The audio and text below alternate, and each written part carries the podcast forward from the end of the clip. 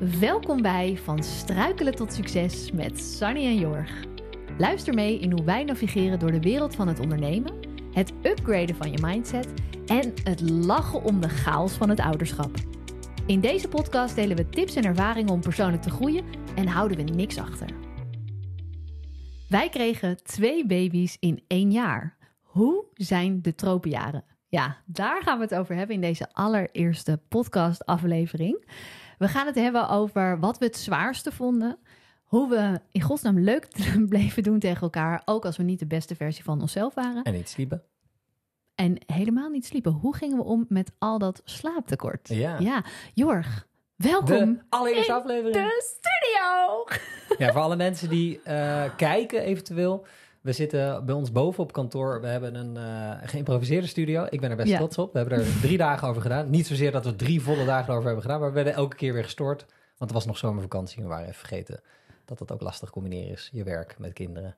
Ehm, Ja, maar we hebben nu wel onze eigen studio gewoon in mijn kantoor gebouwd. Dus Ja. we zitten hier een beetje opgepropt. Maar we kunnen tenminste opnemen wanneer we willen. En dat is ook wel onze intentie. We hebben echt heel veel zin in deze podcast. We willen het al heel lang, hè? Sorry dat ik Nou, onderbreek. Maar we- dit is allemaal nieuwe apparatuur. Want we hadden al, hè, voor de mensen die kijken, je ziet nu een mooie boom mic. Maar we hadden hiervoor ook al microfoons die ik zes jaar geleden had gekocht. Zoiets. Maar ja? die zijn nu al verouderd. Daar kunnen we niet, konden we niet mee doen wat we nu gaan doen. Nee, het is wel grappig eigenlijk. Superleuk. Maar wij zijn altijd heel erg van... eh, nou oké, wie Nou, zijn we eigenlijk? ja. Moeten we ons voorstellen? Ja, misschien wel. Ja, Ehm, wie ben jij, Sonny? ik vind het zo grappig. Het is net zo'n officieel... Wij zijn dus een stel, laten we daar even over beginnen. Wij zijn getrouwd. Wij zijn Sunny en Jorg. En eh, we zijn nu zeven jaar getrouwd, toch? Of Ja. acht? Zeven jaar. Oké. Ehm, Twaalf jaar samen. En ik ben Sunny Verhoeven. Ehm, dit is grappig. We improviseren dus. We hebben heel leuk pa- papiertjes voor ons liggen, maar dat, dit staat er niet op. Maar we wilden het graag goed doen, hè? dat herkennen jullie vast. Maar eh, ik ben Sunny. Me- mensen kunnen mij kennen van Sunny Zoekt Geluk. En ik vind het heel erg leuk om mensen te inspireren ehm, in hun zoektocht naar geluk. Om daar content over te delen. Dus dat doe ik nu al tien jaar op YouTube. Yeah. Woehoe! Hey, hey, hey. Dus Q. Oh. Q. Hey! Yes. hebben we ook een knop ontdekt. Ehm, en ik doe dat sinds eh, drie jaar samen met Jorg. Wij geven allerlei cursussen over mindset. Ja. Ja, en in deze podcast, voordat ik zo naar jou ga, gaan wij eh, samen kletsen. We gaan niet mensen interviewen. Nee, wij gaan met elkaar kletsen.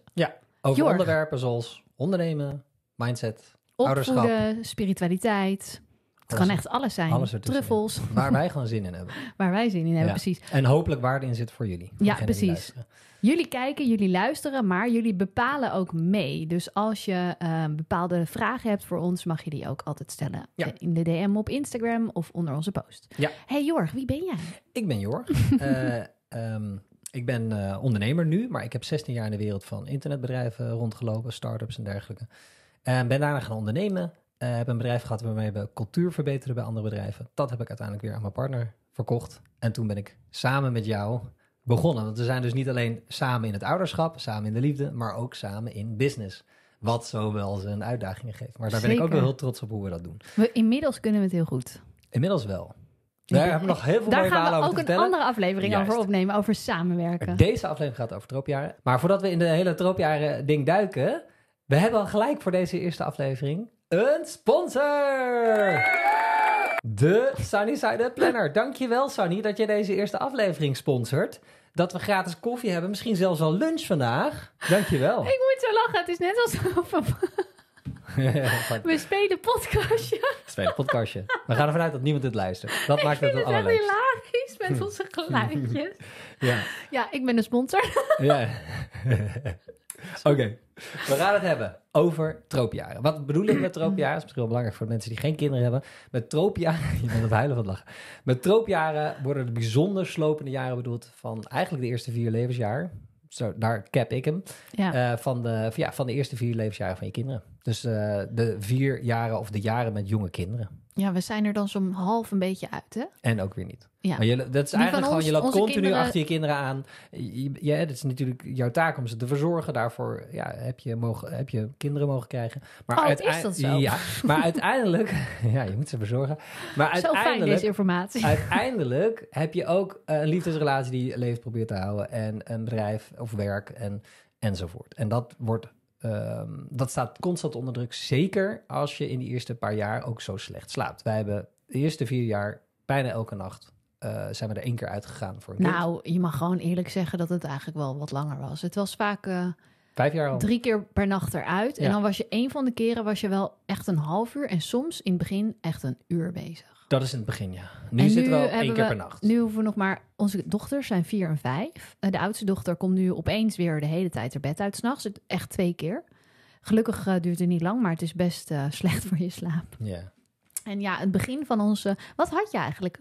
Had jij een verwachting erbij bij die Tropia? Nou, ik weet nog dat onze oudste dochter één jaar was, Charlie Faye. En ehm, dat iemand het steeds over tropenjaren had. En ik had dat begrip al eerder gehoord, maar ik dacht tropenjaren, tropenjaren. Ze is nu één jaar, nu wordt het allemaal steeds makkelijker. Nu hoeven we niet meer drie keer per nacht uit. Nu is het nog maar twee of één keer. Ik weet niet wat het toen was. Ik denk, hè, vanaf hier gaat het toch alleen maar makkelijker worden. We, we, zijn, we hebben de grootste hobbel gehad, weet je wel? En toen, nou goed, we hadden toen, we hebben twee kinderen in één jaar gekregen. Dus eh, bij ons was, was het dan iets langer.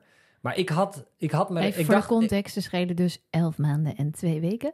Ik was... Nee, Twee- ze schelen zeven dagen. eh oh, drie weken dan. Ik, ja, Nee, elf dus het- maanden en drie oh, weken. sorry, dus elf maanden, drie dagen. Ja, ze zijn, zeven, ze zijn vijf dagen even oud. Ehm, Wat ik dus wilde zeggen, als je Ja. mij uit laat kijk, hier begint het al, jongens. Oh, oh. Is dat ik 2,5 maand na mijn bevalling was ik weer zwanger. Ja. En ja, als je het wil weten, was het gepland. Nou, niet zo, maar we wilden ze wel altijd dicht op elkaar. Want ik scheel anderhalf jaar met mijn zusje. En ik kan je vertellen, dat is heel erg leuk. Mijn zusje is echt mijn beste vriendin. En onze dochters zijn ook beste vriendinnen. Eh, maar het is ook als echt... Ik zeg altijd... het spel zijn. Ja. ik, zeg, ik zeg altijd, als mensen dit ook meemaken... Hè, grappig genoeg vinden ze me dan online. En dan is het, oh, maar hoe is het nou? En dan zeg ik eigenlijk altijd hetzelfde. De eerste jaar, het eerste jaar leef je niet. Je bent gewoon, het is gewoon heel pittig. Echt heel pittig. Maar nu is het echt superleuk. Ja. Toch? Ze spelen zo lief samen. ja. Mega. Ja. Eh, had jij een verwachting bij tropenjaren? Ehm, Definitie? Nee, ik had niet echt een verwachting. Ik had wel gedacht, ja, ik wil niet te negatief zijn, maar toen we, ik had geen roze wolk, zeg maar. Toen ik net Nee. was bevallen, toen had ik een pup, een, een huidziekte gekregen door de bevalling. Die En- normaal, als je die krijgt, voor de bevalling is en die gaat over als je bent bevallen. Ja. En jij had het wonder dat jij het na de bevalling had. En dat Ja. al die artsen zeiden, ja, hmm, Ja, het moet weet een keer nu- overgaan. ja, het moet een keer Heb ik hele zware medicatie voor gekregen, werd ik depressief pret, van. prednison, hè? Ja. Heel heftig. En eh, dat was echt een gedoe. En dan was het ook nog twee keer bij allebei de kinderen hadden we een hittegolf van 37 graden.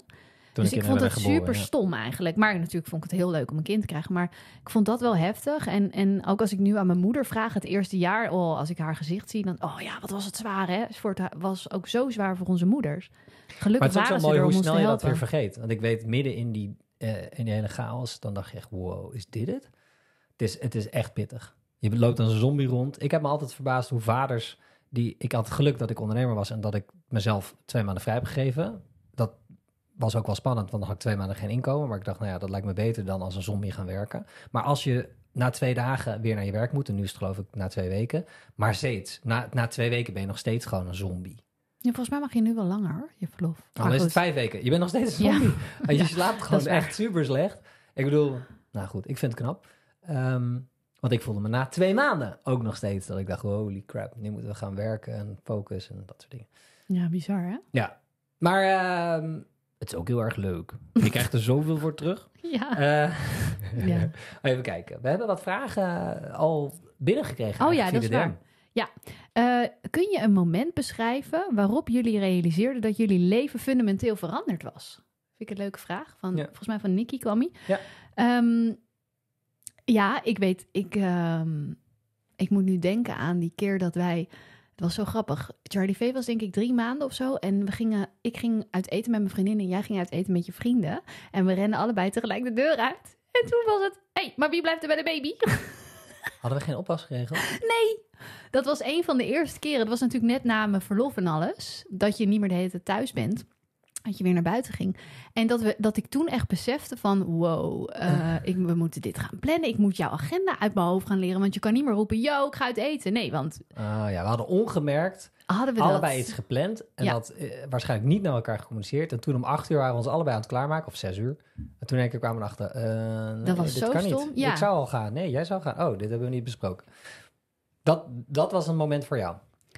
Dat was wel echt... Ik dacht, oh, het, wordt, het is echt anders. Je moet echt beter gaan plannen. Dat, eh, ja, ik heb wel echt in die eh, begintijd... eh, Daar begon echt de noodzaak van plannen voor mij heel erg. Ja, ik had- Gelukkig is daar nu de Sunny Side Up planner. Ja, daar is die uitgeboren. Ehm, ik had het in die eerste week, maar dat was omdat ik toen pas een beetje een connectie kreeg met, eh, met Charlie. Ehm, want ik denk als vrouw krijg je al een connectie met je kind als het in de buik zit. Hè? Dat, dat, dat groeit in je, dus daar, daar is een connectie. Ehm, letterlijk ook. En als vader hang je er een beetje bij en is het nog niet zo echt. Want natuurlijk, je voelt wel af en toe een voetje of iets. Maar ja, weet je, je maakt het toch op een andere manier mee. En toen Charlie helemaal was geboren, het was natuurlijk één groot chaos en, en circus. En na, in de eerste week had ik haar vast. Toen was jij aan het slapen en toen keek ze zo naar me. En toen keek ik naar haar en toen, hè, we locked eyes.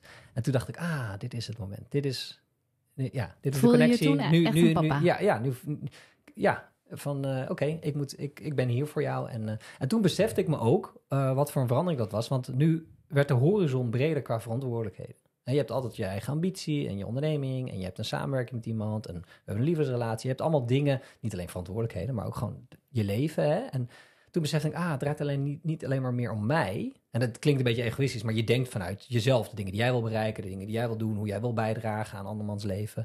Maar dat is allemaal vanuit jezelf bedacht. En nu besefte ik me, oh, die, die, voor de mensen die kijken, ik doe nu twee handen omhoog en dan doe ik zo dat ik het breder maak. Dat ik, Eh, en toen dacht ik, hé, hey, die scope die wordt veel breder. Mijn horizon wordt breder. Ik, ik heb veel meer verantwoordelijkheden erbij. Het draait niet alleen maar om mij. De beslissingen die ik nu neem, die hebben ook invloed op niet alleen jou, maar ook op kinderen. Dat vond ik eh, ja, weet je, een ik denk, levensveranderend moment.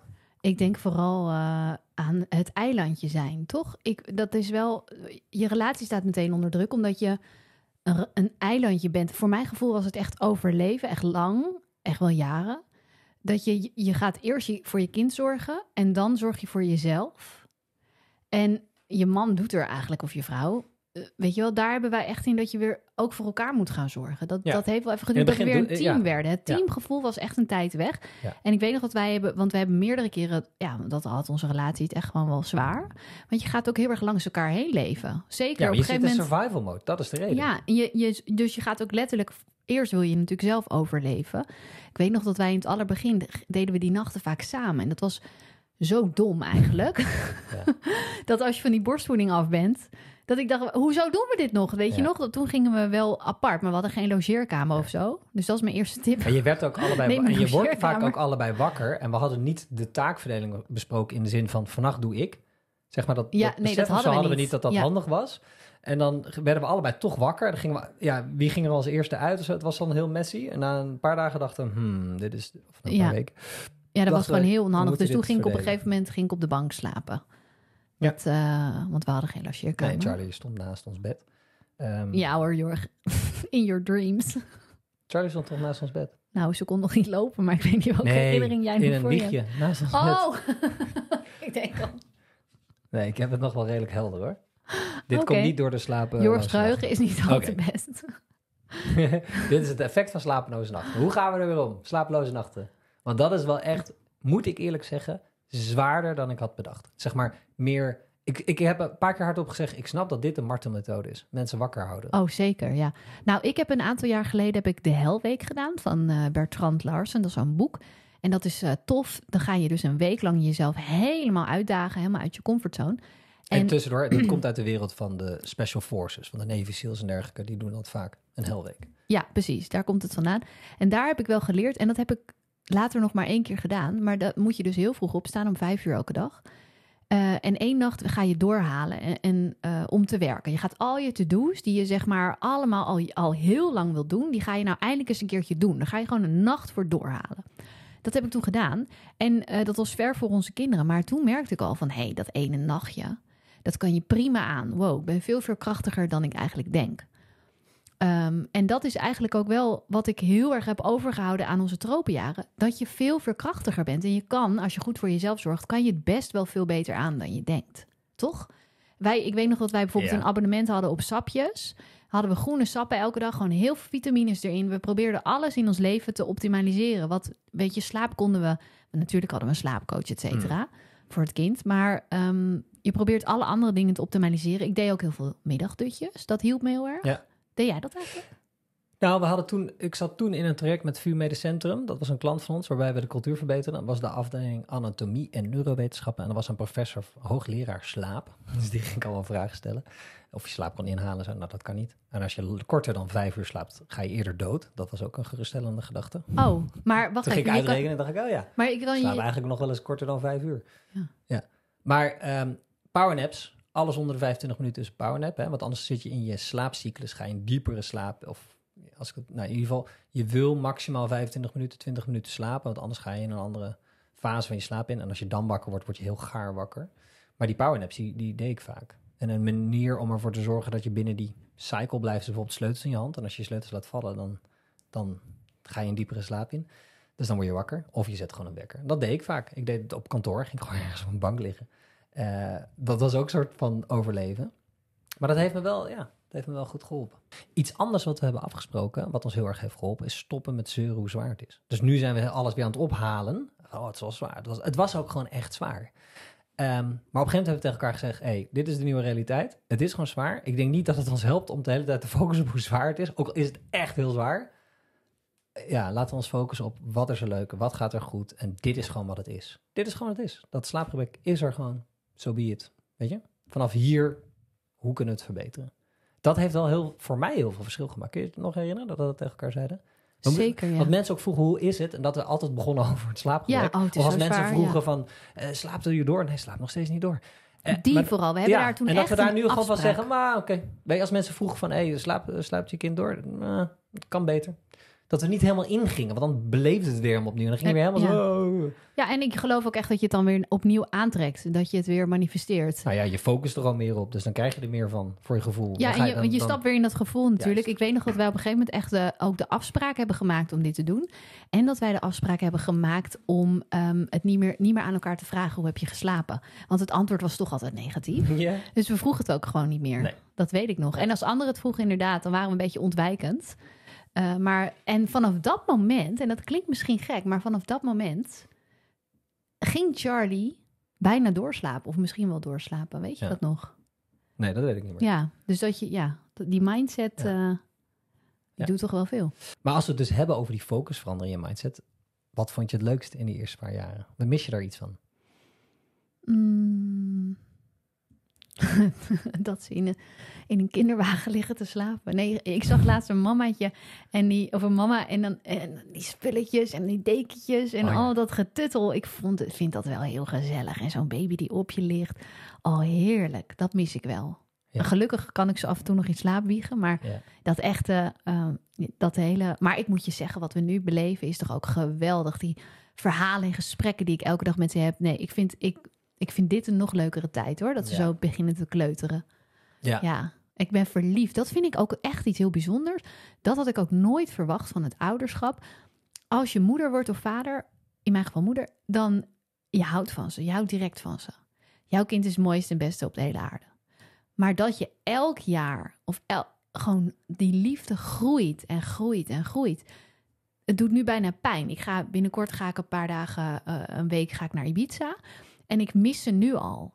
Terwijl ik ging ook weg toen ze één jaar waren. En toen deed het minder zeer. Ja. Dat vind ik heel mooi. Dat ik denk, oh, ik snap ook dat je meer kinderen Ja. eh, zou willen. Want wow, je kan van allemaal heel veel houden. En je gaat steeds meer. Die liefde wordt groter en groter. Ik vind dat echt geweldig. En jij, wat vond jij het leukst? Ik vond al dat kleine inderdaad, die voetjes, die handjes. Als ik nu kijk naar de voeten van, van mijn dochters, dan denk ik, oh, ze zijn al best wel groot. dat klinkt heel stom, maar ik zag later weer een baby en dacht ik, oh ja, die kleine voetjes, kleine handjes. En inderdaad, als ze zo gefrummeld bij je zijn. Of dat je ze moet inwikkelen, dat mis ik. Oh, je je dat in die-? Die, die, die, die bako, of die die taco. ervan moet maken. En een bakertje erbij om het te dealen. Ehm, Ja. Maar dat was zo schattig, dat je er zo'n wrap van moest maken en dan moest oprollen. Ja. En dat, ja, dat is echt zo leuk. Ja, en als je nou terugkijkt, hè, is er dan iets wat je anders zou hebben gedaan? Eerder hulp vragen. Maar we vroegen toch om hulp. Ja, en we hebben ook heel veel hulp gekregen. Eerder een au pair nemen bedoel je? Een au pair nemen. Dat hebben we überhaupt Ja, dat- niet. We hebben geen au pair, maar echt nu... Daar was geen ruimte voor nou ja, we wonen natuurlijk in een heel klein huisje. Ja. Maar, en zelfs nu wonen we in een groot huis. Oh, dan doe ik het Ik heb het wel eens geopperd bij jou. Van, want vriendinnen van mij hebben dus au pairs. En het klinkt altijd als iets heel erg chics en luxe. maar het is vele malen goedkoper dan een kinderopvang. Eh, het is ook leuk, want je geeft zo iemand, geef je ook iets. En thuis, hè, een Het is niet basis. vele malen goedkoper. Wel. zeker als je twee kinderen hebt. Maar goed, daar hoeven we nu niet... eh, maar je hebt natuurlijk wel iemand in huis. En daar... Ja, nou ja, dat, dat- op dat vlak zou ik het... eh, ja, nee, Ja, niet dat fijn. is anders. Nee. Nee. Maar ik heb wel, je kan wel elk moment je huis uitrennen. Het is natuurlijk nog steeds de ultieme luxe als je dat doet. Maar eerder hulp vragen, wat, wa- waarom zeg je dat dan? Want Ja. we hadden toch onze moeders en onze papa's die meehielpen. Nee, maar je wilt toch heel vaak dingen zelf uitvogelen. Je vindt ook, ja, ik heb een kind gekregen, dus ik, eh, het is mijn verantwoordelijkheid. Ja. Dus dan wil je alles eerst zelf proberen, zelf uitvogelen. En ik denk dat dat ook het proces is. Maar soms kun je ook gewoon, ja, weet je, gewoon hoe. is Hulp vragen niet zozeer van kun jij dit voor mij doen, maar meer van eh, hoe gingen jullie hiermee om? Hoe gingen jullie daarmee om? Ja. Dat heb ik later in het proces wel gedaan. hey, hoe kijken jullie eigenlijk naar? Hoe delen jullie dat? En dat is gewoon heel fijn. Niet dat je dan gelijk dat advies moet opvolgen, maar het geeft gewoon een ander perspectief. Ehm, Ja, ik ben dus iemand die heel erg netjes is, bijvoorbeeld rommel opruimen. Eh, iemand stuurde me laatst een filmpje door. Ehm, van een vader die zei, ja kijk, eh, ik laat gewoon alles rommelen, weet je. Ik la- als zij met stiften ergens aan tekenen, ga ik niet zeggen, nee, hou op, niet doen. Want dan onderbreek ik hun in hun experiment. Ze zijn gewoon ergens mee aan het experimenteren. En hè, als ze een vaasje vast hebben en zijn het aan het bekijken zo en het valt, dan is het kapot. Dat vind je als ouder heel vervelend. Maar in dat hele dat is een experiment voor een kind. Dat dat allemaal mag gebeuren. Dat ontneem je. En ook hoe het misgaat. Ja, hoe het misgaat. Dus dat, dat hele tijd pas op, kijk uit. Eh, wat bij de een meer erin zit dan bij de ander, qua ouder. Eh, ik heb dat meer dan jij. Ehm, daar dacht ik, hmm, ik, ik, probeer, ik ben daar heel erg bewust van. Ik probeer het al tegen te houden. Maar soms denk ik, ja, irritant, net de ramen gedaan. Weet je, dan zeg ik, eh, niet met je vingers tegen Ja. En die jongen. vlekken ook in het begin waren... Ja, ik ben gewoon iemand die heel netjes is. Dus ik, ik hou Ja. gewoon van... Maar het- overigens, jongens, het is niet dat ons huis eh, alles recht toe recht aan. En, eh, Vergeleken met de meeste huishoudens, Jorg, is het hier super schoon en Nee, opgeruimd. we hebben één belangrijke regel. Het, want ik kreeg later weer een DM. Oh, fijn om te zien dat bij jullie ook een bende is. Het is elke dag een bende. Alleen Ja. wij ruimen elke avond op. En dat zorgt voor sanity. De reden dat ik opruim is niet omdat ik dat zo lekker vind. Zeg maar van, oh, een opgeruimd huis vind ik mooi. Nee, mijn brein is zo chaotisch... dat als ik in een chaotische omgeving ben... dan raak ik lost. Dus dat geeft me een soort van houvast. dus ik vind het fijn als ik 's ochtends de dag begin... dat het een beetje is opgeruimd. Want dan hoef ik me daar niet meer druk om te maken. Want ik heb echt een ADHD-brein. Dan zie ik rommel, ga ik dat op zitten ruimen... terwijl ik eigenlijk aan het werk moet. Daarom ruim ik elke avond op. Dan heb ik 's ochtends een schone lei. Dat is, Ja. dat is de reden. En ik help trouwens ook mee, hè, lieve mensen. Nee, ik doe alles alleen. Daar kunnen we het even over hebben. Alles op de weegschaal leggen. Oh ja, die vraag kregen we ook binnen. Nee, Van hoe, oh, wat bedoel je op de weegschaal? Oh ja, op de weegschaal. Dat Ja, is, eh, maar- ja, dat is de score bijhouden. Hoe vaak iemand heeft schoongemaakt.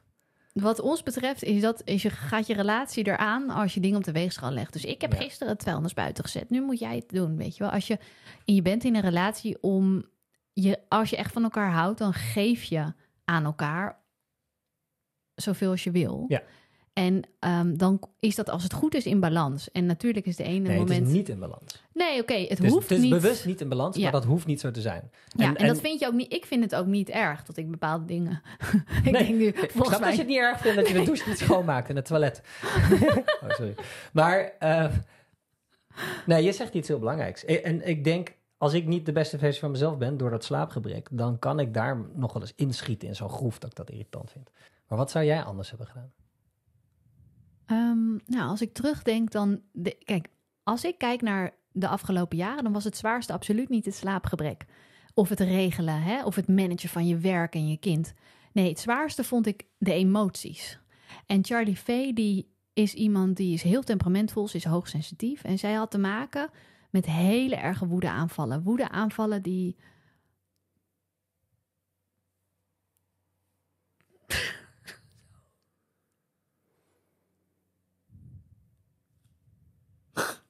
Ga ik huilen?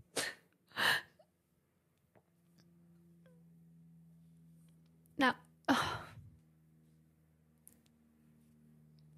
Ik vind het zo stom. Ik krijg meteen een oordeel over mezelf. Van, ga je in de eerste aflevering ga je huilen? Ik ben heel erg meevoelend. Dus als ik dan nu in deze emotie ga...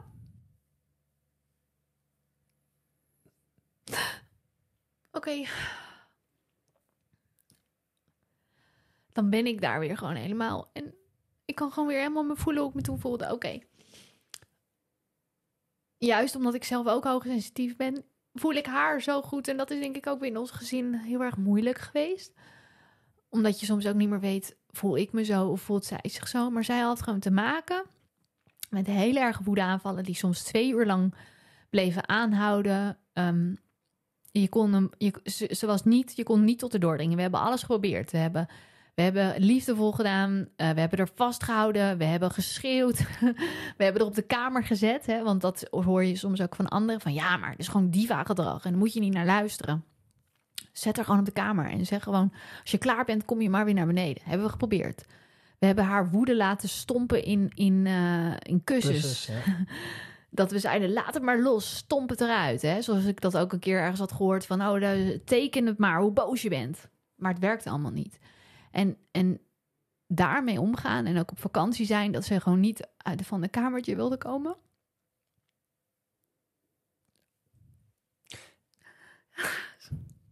Die emoties als een moeder die je voelt... je bent gewoon je kind, snap je? Nou, en ehm, dat vond ik het heel erg zwaar. En ik zou willen... ik zou willen dat ik eerder toch boeken en informatie had gelezen. Zoals het boek Het Goede in Ons. Is zo'n prachtig boek. Die heeft me geleerd. Het kind is altijd goed, weet je. Als er een probleem is, is het eigenlijk altijd het probleem van de vader en de moeder.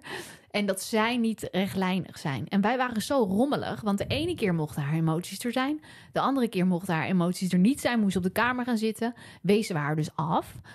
En ehm, dat geeft een onveilig gevoel aan een kind. Dat je, een- dat je dus steeds een andere benader, een andere, hoe zeg je dat? Het anders Maar, aanpakt. Ja. Andere aanpak. En eh, nou, wat ik dus uit dat boek, eh, we zetten het wel in de show notes, eh, Het Goede in Ons. Een van die mooie boeken, ook Het Temperamentvolle Kind is ook een prachtig boek. Dan krijg je gewoon handvaten dat je denkt, ah, hier heb ik wat aan.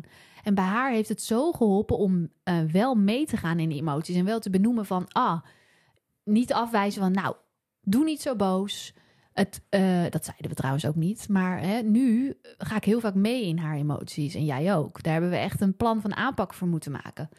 Ehm, en daar ben ik heel trots op dat, dat het nu weg is. Dat ze nooit meer die buien heeft. Weet je wel? Dat we dat echt eh, door boeken te lezen hebben aangepakt. Natuurlijk hebben we dat ook aangepakt door eh, een familieopstelling te doen. En echt kwetsbaar te zijn naar elkaar en te kijken... hey, ik voel me eigenlijk elke dag als ik naar huis ga... dan denk ik, ik wil niet naar huis. Oh, het avondritueel. Echt mijn minst favoriete onderdeel van de dag. Iedereen moet weer gevoerd worden en naar bed gebracht. Oh, Ja, en er wordt, wordt weer strijd gevoerd. Zoveel. strijd. Ik wilde zo graag overwerken elke dag, eigenlijk. Want het was zo heftig wat dat betreft. En op een gegeven moment heb ik dat ook echt tegen jou gezegd. Van, dit is niet hoe ik me wil voelen. Dit moet anders kunnen. Ja, we hebben, we hebben, een, we hebben meerdere familie- familieopstellingen gedaan. Want er was een, een eh, belangrijk inzicht voor mij. Is dat ik het dat we op een gegeven moment. Nou, volgens mij heb jij dat gezegd. Die woede die lijkt niet van haar. Die, dat is iemand. Kinderen zijn niet rationeel en zijn niet redelijk, zou je kunnen zeggen. Want die kunnen heel erg ergens heel erg verdrietig of heel erg boos om worden. En ze leren ook die emoties, moeten ze allemaal nog doorlopen en leren kennen. Maar zij was vaak zo boos dat je denkt, ja, maar dit voelt gewoon als niet van haar. En dat is de eerste familieopstelling die ik heb gedaan. eh, door te kijken naar de mannelijke lijn. Ik wilde niet al te veel details over delen, maar mijn opa, allebei mijn opa's hebben allebei in een eh, kamp gezeten. Mijn opa in een Duits kamp in de Tweede Wereldoorlog en mijn andere opa in Indonesië in een eh, Jappenkamp. En zijn vader is daar overleden. Hij is er, ik wil zeggen, heel uit uitgekomen. Dat is natuurlijk niet waar, maar hij is er levend uitgekomen, kun je zeggen. Daar zat iets. Nu word ik emotioneel.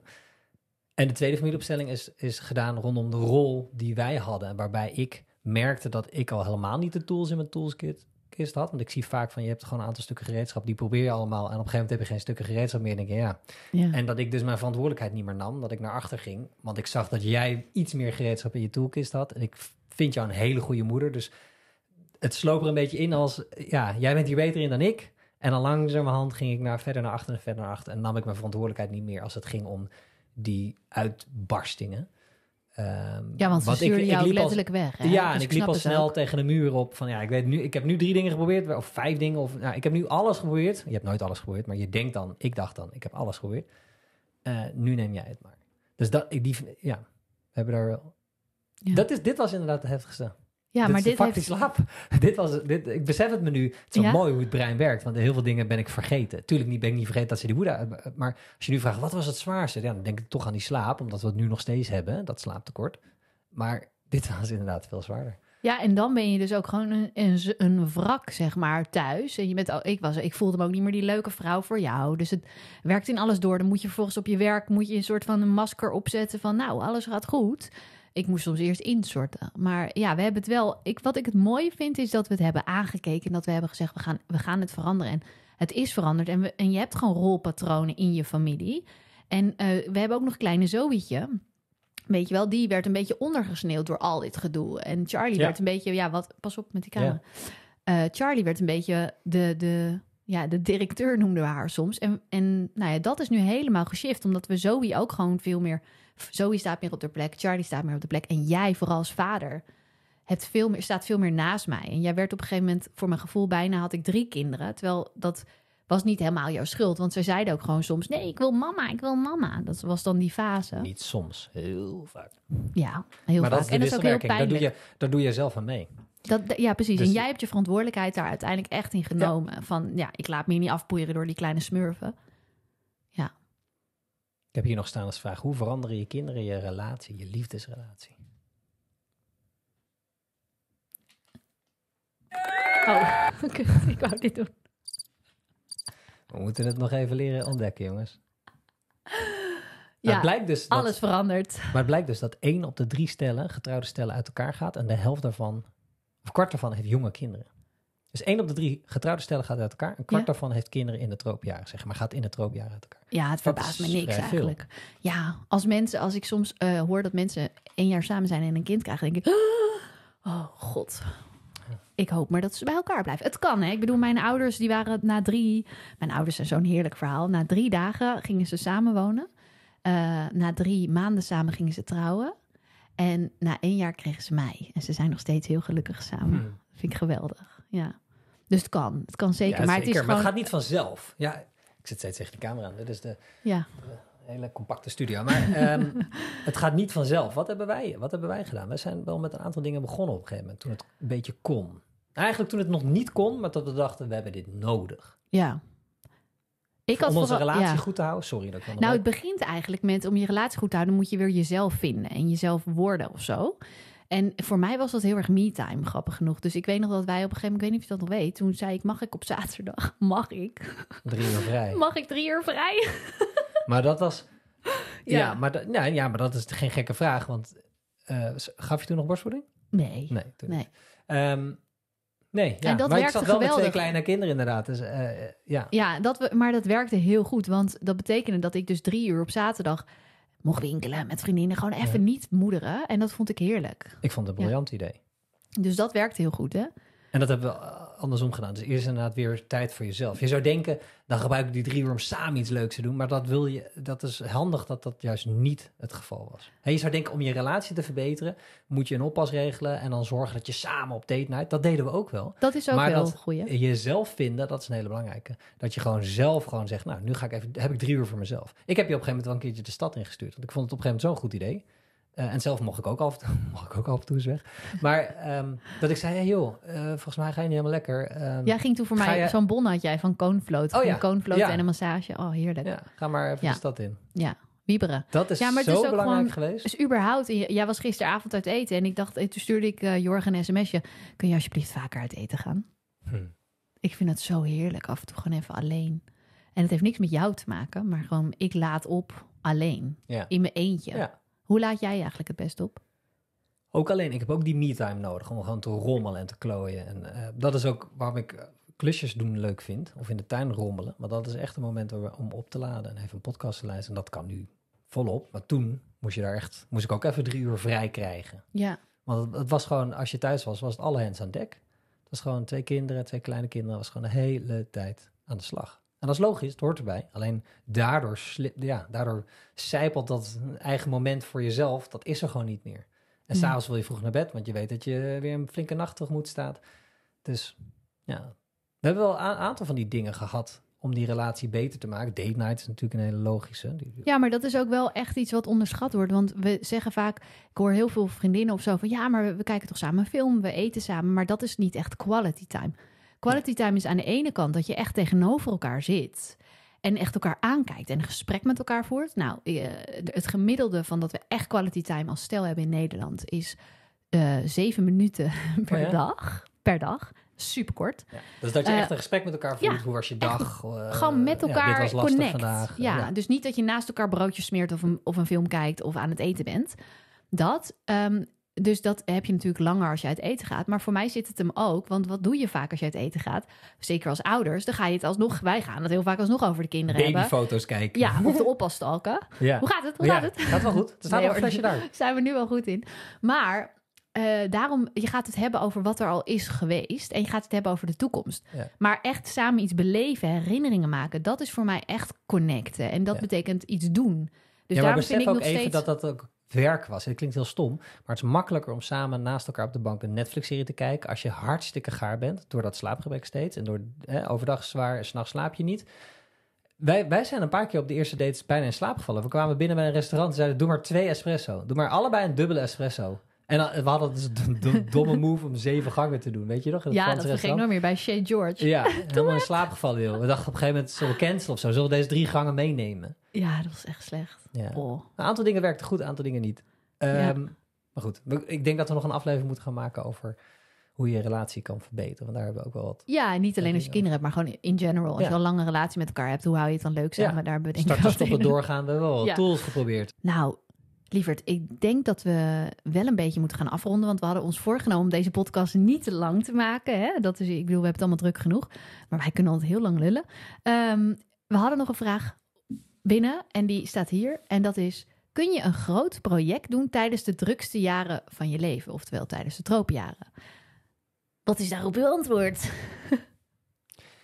Ik denk dat je die naïviteit nodig hebt door te denken dat het kan. Want als je weet hoe het gaat, uiteindelijk, dan ga je er niet aan beginnen. Vind ik een heel mooi antwoord. Weet je waarom? Omdat wij hebben ons hele bedrijf, eigenlijk met alle cursussen, hebben we opgestart in de tropenjaren. Dus daarmee wil ik zeggen, het kan. Het kan, lieve mensen. Maar je moet gewoon. Is het aan te raden?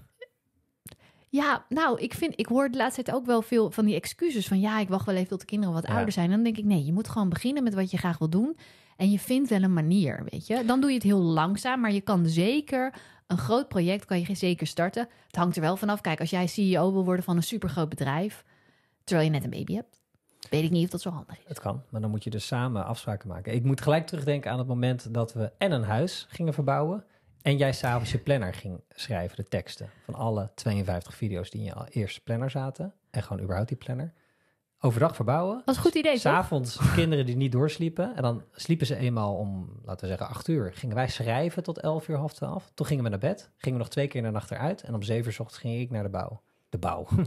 naar het huis om te verbouwen. Dat hebben we vier, maanden, gedaan. Ja. En toen dacht ik echt, oké, we gaan Toen hebben we burn-out. Nou, en toen weet ik nog dat we het hadden over dat we misschien gingen scheiden.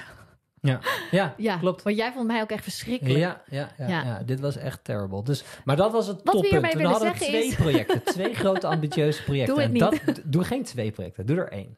Dus ja, het kan, maar het maakt, doe er geen twee. Dus niet en een huis verbouwen en een planner gaan uitgeven.